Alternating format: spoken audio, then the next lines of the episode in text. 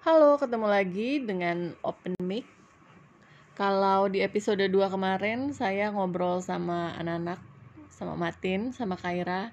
Nah, sekarang di episode ketiga justru saya mau ngomongin anak-anak sama sama siapa lagi kalau bukan sama bapaknya. Halo Bapak. Halo Ibu.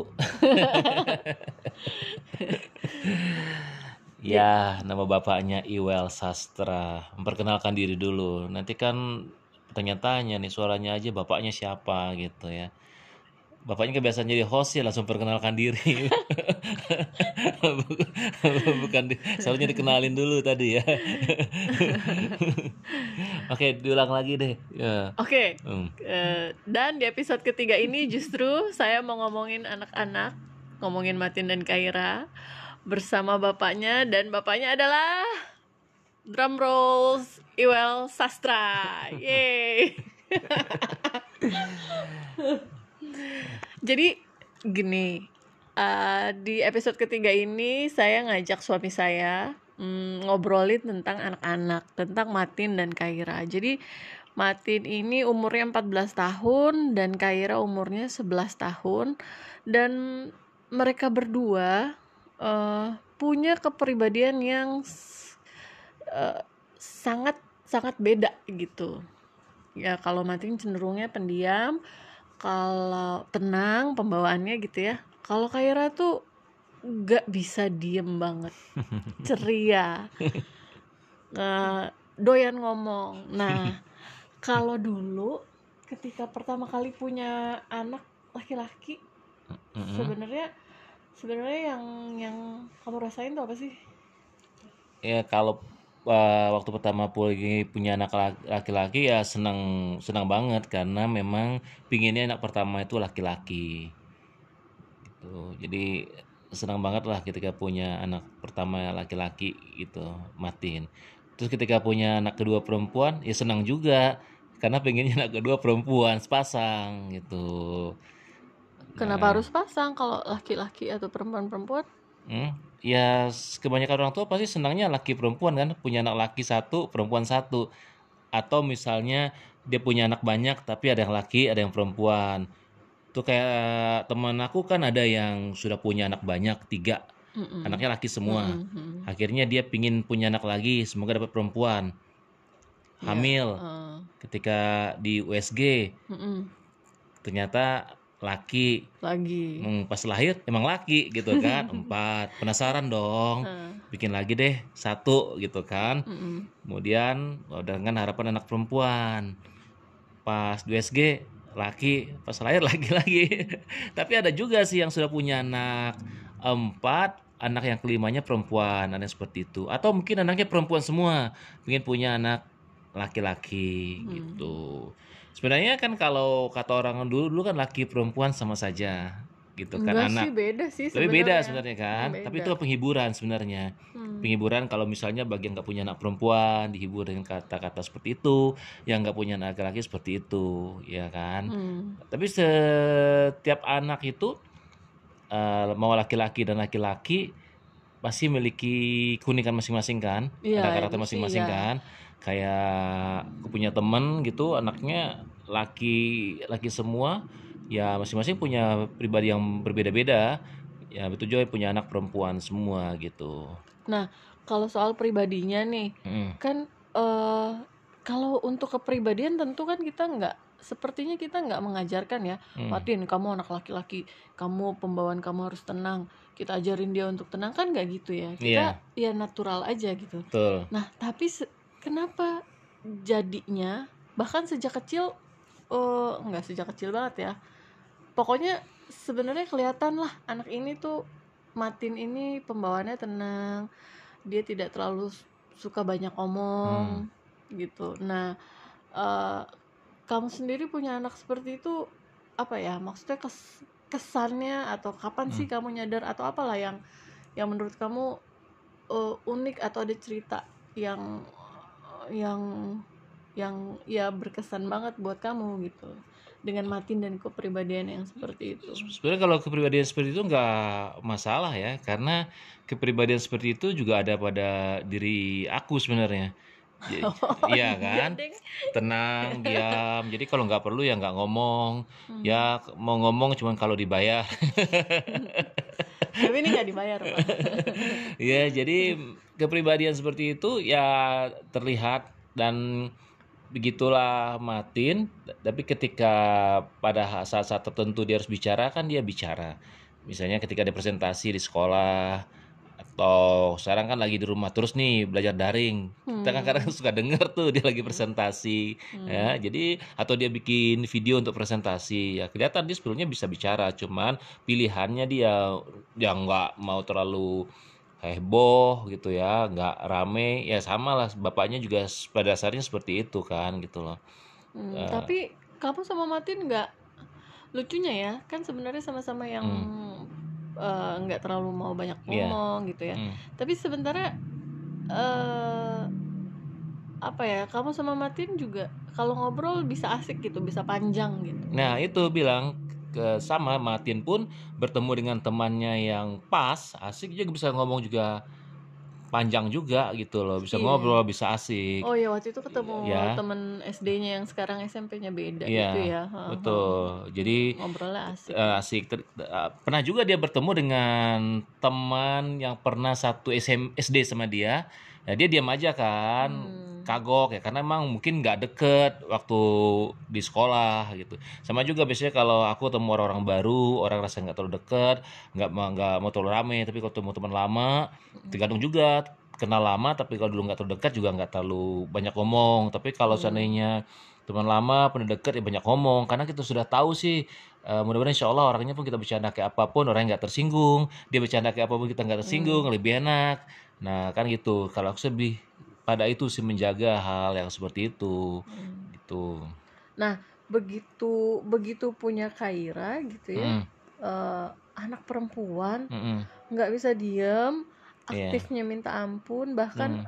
bahkan ada satu cuplikan video zaman mereka masih kecil dulu Matin kakaknya udah nunjuk-nunjuk adeknya gitu kan Iya, iya. Ini, nih aktif nih eh, anaknya nih aktif betul. gitu kan di video Mm, itu betul betul nah nah eh, what do you feel apa sih yang kamu rasain gitu dengan dua anak yang berbeda ini Ya, senang aja karena apa yang lakukan Kaira tuh juga ada pada diriku kan ya udah Iya. semuanya dari dari kamu semua Kenapa? Karena ada Kaira itu gini, karena Kaira eh, banyak mengambil sisi-sisi komedian bapaknya, sisi komedi bapaknya dia heboh, dia rame. Hmm. Nah, cuma bedanya kalau Kaira sisi komedi itu tetap dibawa dalam kehidupan sehari-harinya. ya dia ceria, dia senang, dia suka main plesetan, dia suka main tebak-tebakan, dia suka pokoknya rame lah. Makanya di antara eh, Martin dan Kaira yang dari kecil langsung ngikuti jejak bapaknya jadi komedian itu ya Kaira. Ya dia jadi seorang ventriloquist, dia sudah muncul berapa kali TV nasional gitu ya sebagai Hmm. seorang ventriloquist gitu.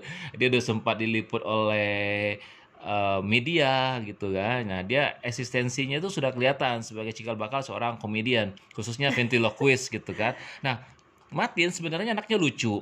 Dia kocak, dia lucu. Eh, kalau kita lihat video-videonya waktu kecil, bahkan ketika waktu di kelas 1 SD, dia pernah bikin tulisan saya pengen jadi seorang pelawak kan atau bapaknya pelawak Hmm, gitu. iya, Nah, sampai gurunya sangat terkesan tapi- tuh waktu itu tuh.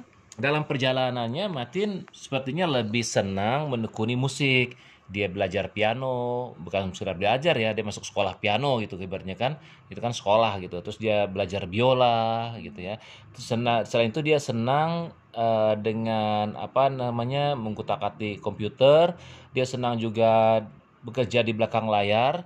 Misalnya dia punya channel YouTube dia nggak mau muncul. Hmm. Nah, dia juga seorang youtuber kan gitu. Dia sepertinya lebih senang untuk di belakang layar ketimbang di depan layar. Walaupun aku pun selalu dorong dia. Pada dasarnya orang yang di belakang layar itu jika dia berprestasi akhirnya dikenal publik. Mau nggak mau dia akan tampil juga di depan layar. Hmm. Misalnya yang apa eh, Steve Jobs. Itu kan orang belakang layar awalnya kan. Dia mendidik apa membuat produk ya dengan perusahaannya. Kemudian Bill Gates. Kemudian juga apa Mark Zuckerberg gitu ya kemudian ya banyak orang. Terus kita contoh lagi misalnya kayak sutradara film. Hmm, ya dia kan dia di belakang layar. awalnya. Tapi karena dia berprestasi mau nggak mau muncul juga. Di wawancara orang diundang untuk menjadi apa namanya uh, pembicara Hmm. ya kan. Contohnya kayak uh, Wisnu Tama.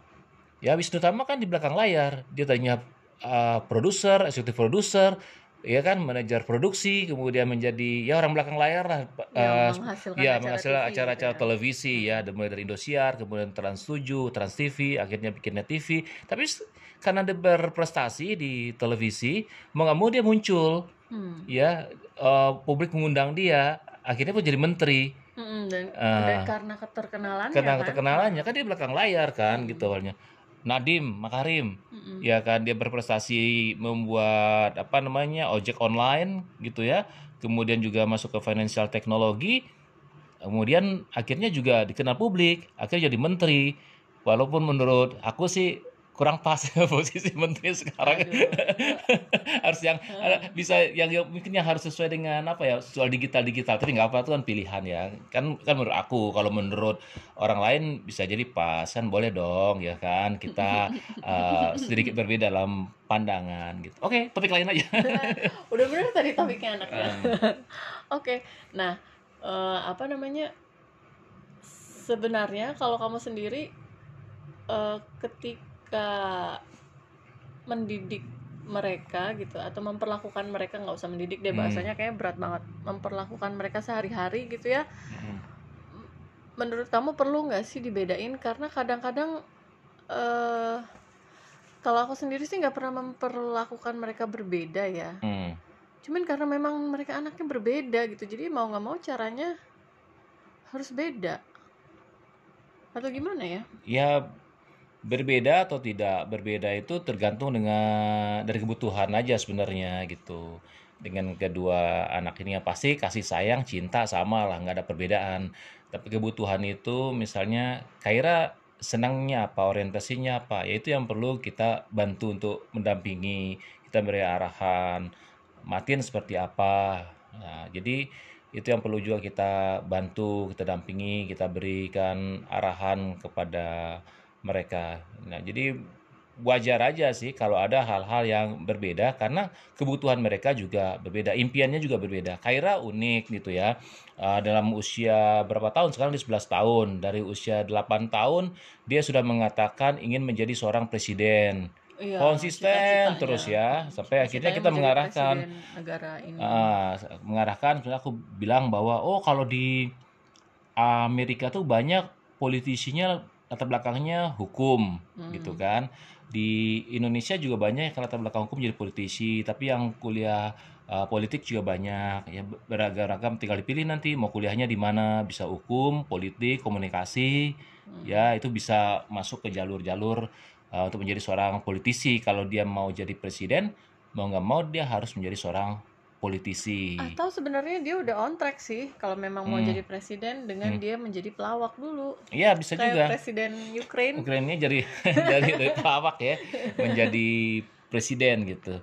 Uh, bahkan sa aku pernah bicara langsung dengan Gus Dur bicara langsung nih dengan Gus Dur. Waktu itu mau ada acara televisi wawancara Gus Dur untuk acara di Trans 7 waktu itu tahun 2009 Hmm. Gus Dur bercanda gitu kan saya ini kan sebenarnya pengen jadi pelawak malah jadi presiden gitu Hmm, nah. gitu.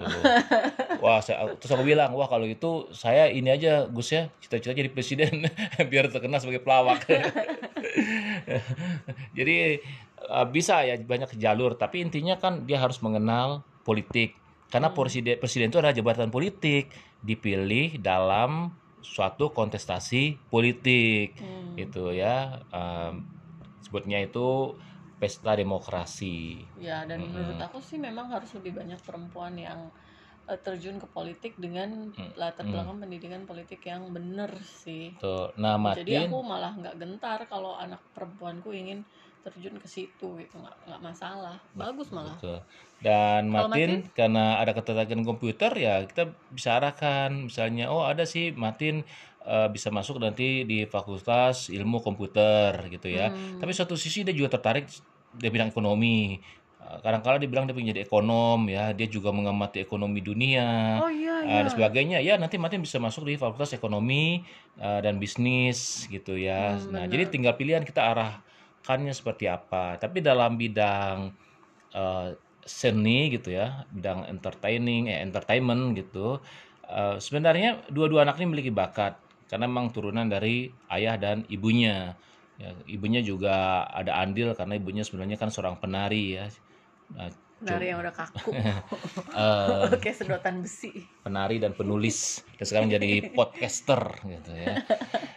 Nah, dia memiliki apa namanya masing-masing bakat di itu ya cuman Martin itu dia eh, lebih senang di belakang layar seperti aku bilang tadi. Nah, kalau Kara lebih senang tampil kan, dia pingin jadi ini kok main film juga dibilang gitu. Iya, Ayah aku pengen main film gitu. Cuman akhirnya belum bisa apa namanya belum bisa menemukan produser yang apa yang pas gitu untuk mewujudkan keinginannya ya mudah-mudahan nanti setelah COVID-19 ini berakhir ya Amin. Hmm. Cepet-cepet selesai deh biar Hmm. semuanya. Nah, jadi bisa nanti dibantu juga dia untuk mewujudkan jalannya. Ya kurang lebih ya seperti itulah. Yang pasti sih kalau aku sebagai ayah enjoy enjoy aja. Ti- Tidak terlalu banyak membebani anak-anak. Mereka bebas untuk main, bebas untuk berkreasi tentunya yang positif. Nah, cuman kadang yang membuat ayahnya kemudian harus mengingatkan anaknya jika itu menyangkut dua hal, disiplin dan tanggung jawab. Ya, stop di Hmm. situ.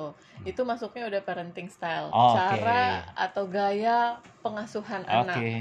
Itu kayaknya harus satu episode sendiri dibahasnya karena eh, kadang Hmm. kita nih Ya. mungkin bukan kita aja tapi ada juga orang tua lain lah yang kalau udah soal urusan didik anak kadang suami Mm. istri bisa juga eh, bis- suami istri bisa juga berantem gara-gara misalnya ibunya galak bapaknya belain anaknya ya Mm-mm. pokoknya gitulah jadi malah berantem ya nggak sih nah itu Oh, itu kita simpan itu harus ada satu episode membahas tersendiri soal eh, parenting style bapak sama ibu Oh, gitu oke. oke oh, udah nih. Udah Berarti nih, iya, aku udah. udah boleh pergi ya. pergi ke mana? paling sibuk lagi sama WA-nya. Eh. ya. Oke, eh, episode kali ini ketiga membahas tentang bedanya anak laki dan perempuan, yaitu Matin dan Kaira. Sampai di sini saja. Eh, terima kasih udah dengerin. Sampai ketemu lagi di episode berikutnya. Dah. Dah.